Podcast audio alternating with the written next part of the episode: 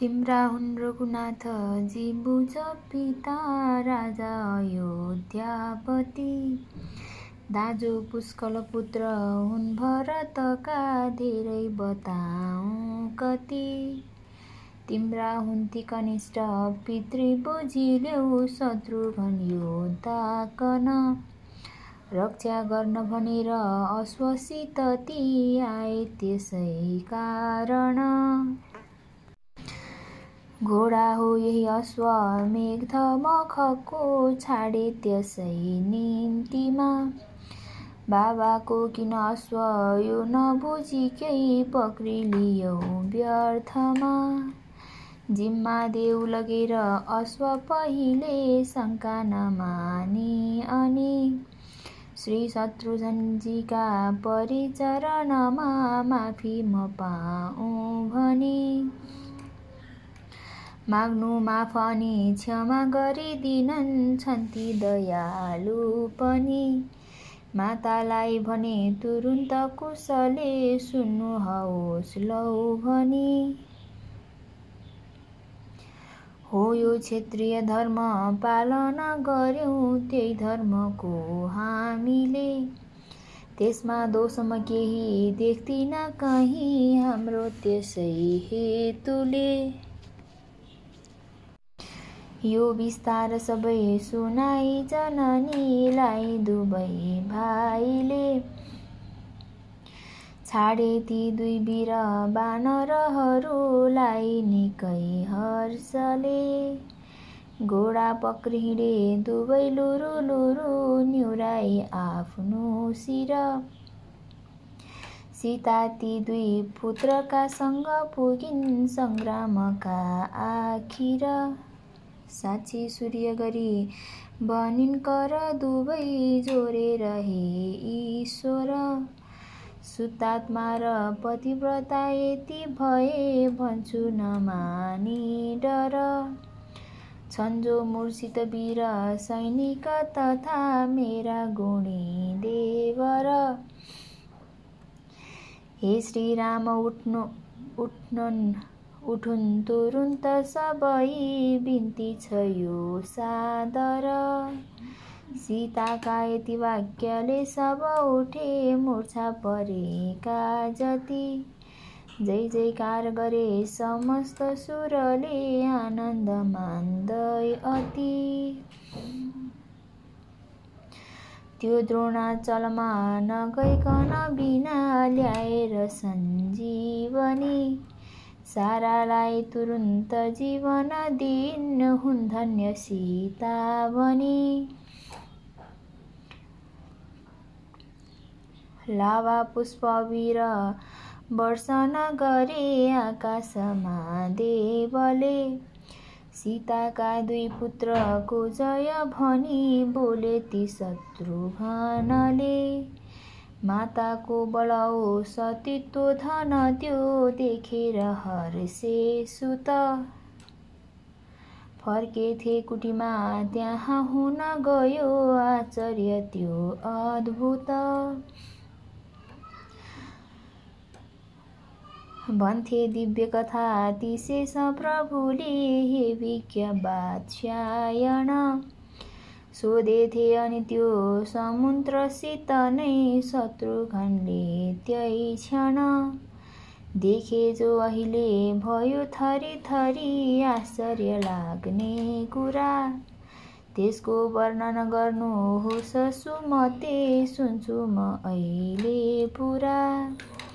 मन्त्रीले सुनि बात त्यो जति थियो एक एक भन्दै गए।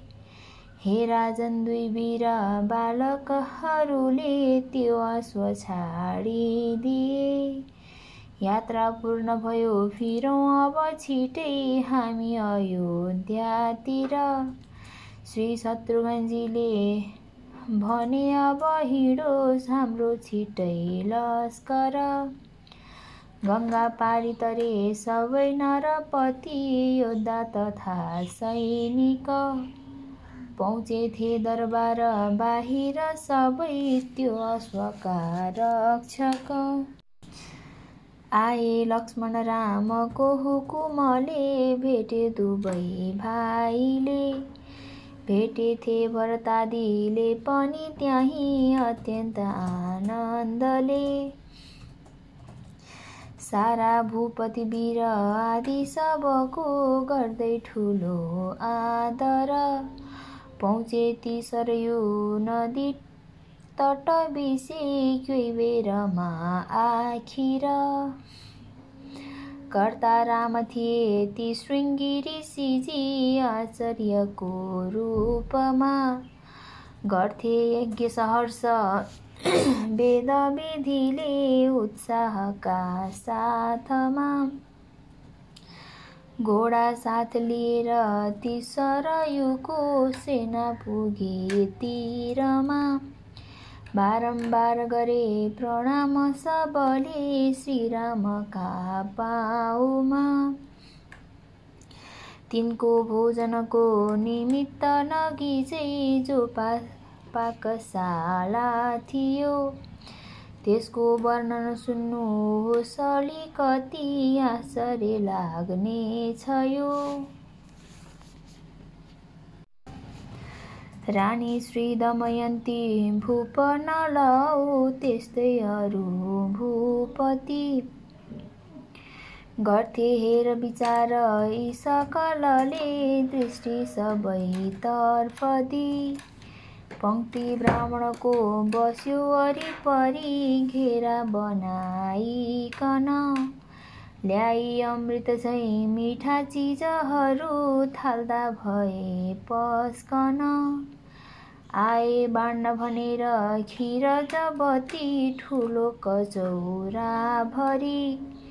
बोले छक्क परेर ब्राह्मण कुनै के हो भने त्यो घरे।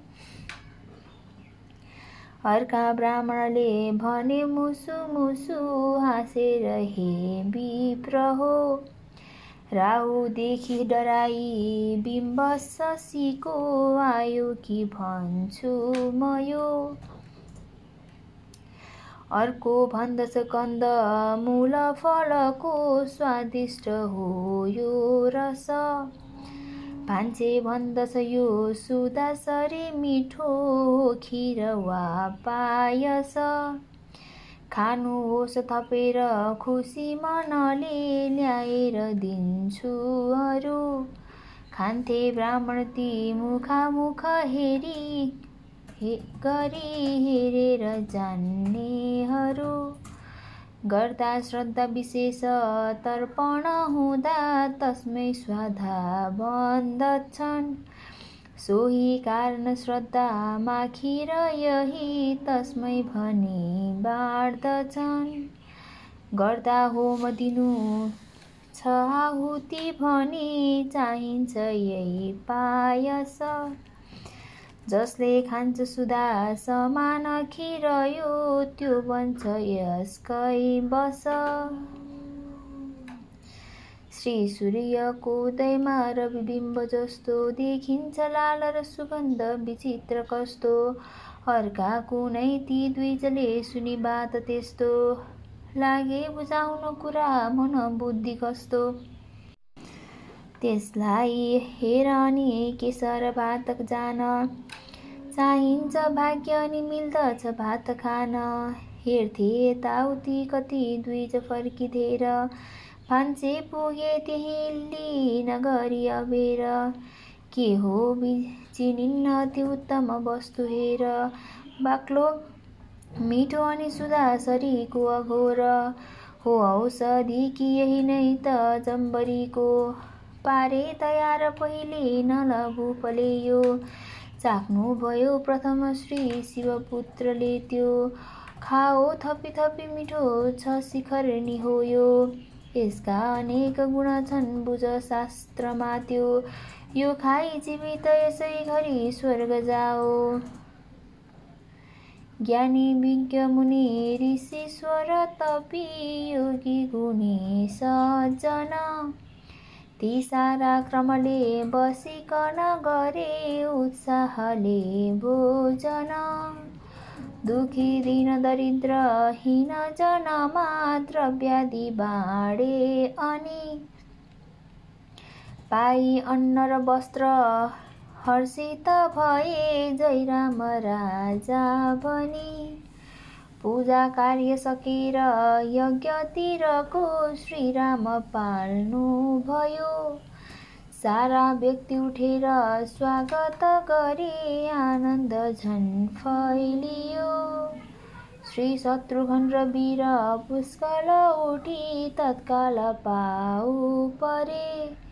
तिनलाई प्रभुले सुआशिष दिई आलिङ्गनादि गरे। राजा वीरमणि सबाहु र सुमद सुग्रीव औ अङ्गत। योद्धा लक्ष्मीनिधि वीर हनुमान श्रीनील रत्नादिक सत्यवान प्रताप भूपतिहरू सारा बसेका थिए आई राम बसी सुमन्त्रसित यो बिस्तार सोधिलिए हे मन्त्री तिमीले बताऊ क्रमले के हुन को हुन् सबै भूपति? आएका किन हुन्न र कुन मूलका स्वामी हुन् सद्मती? पक्रे कुन्रिपले कहाँ र कसरी घोडा छुट्यायौ कहाँ? यो आज्ञा रघुनाथको सुनि भने ती मन्त्रीजीले तहाँ।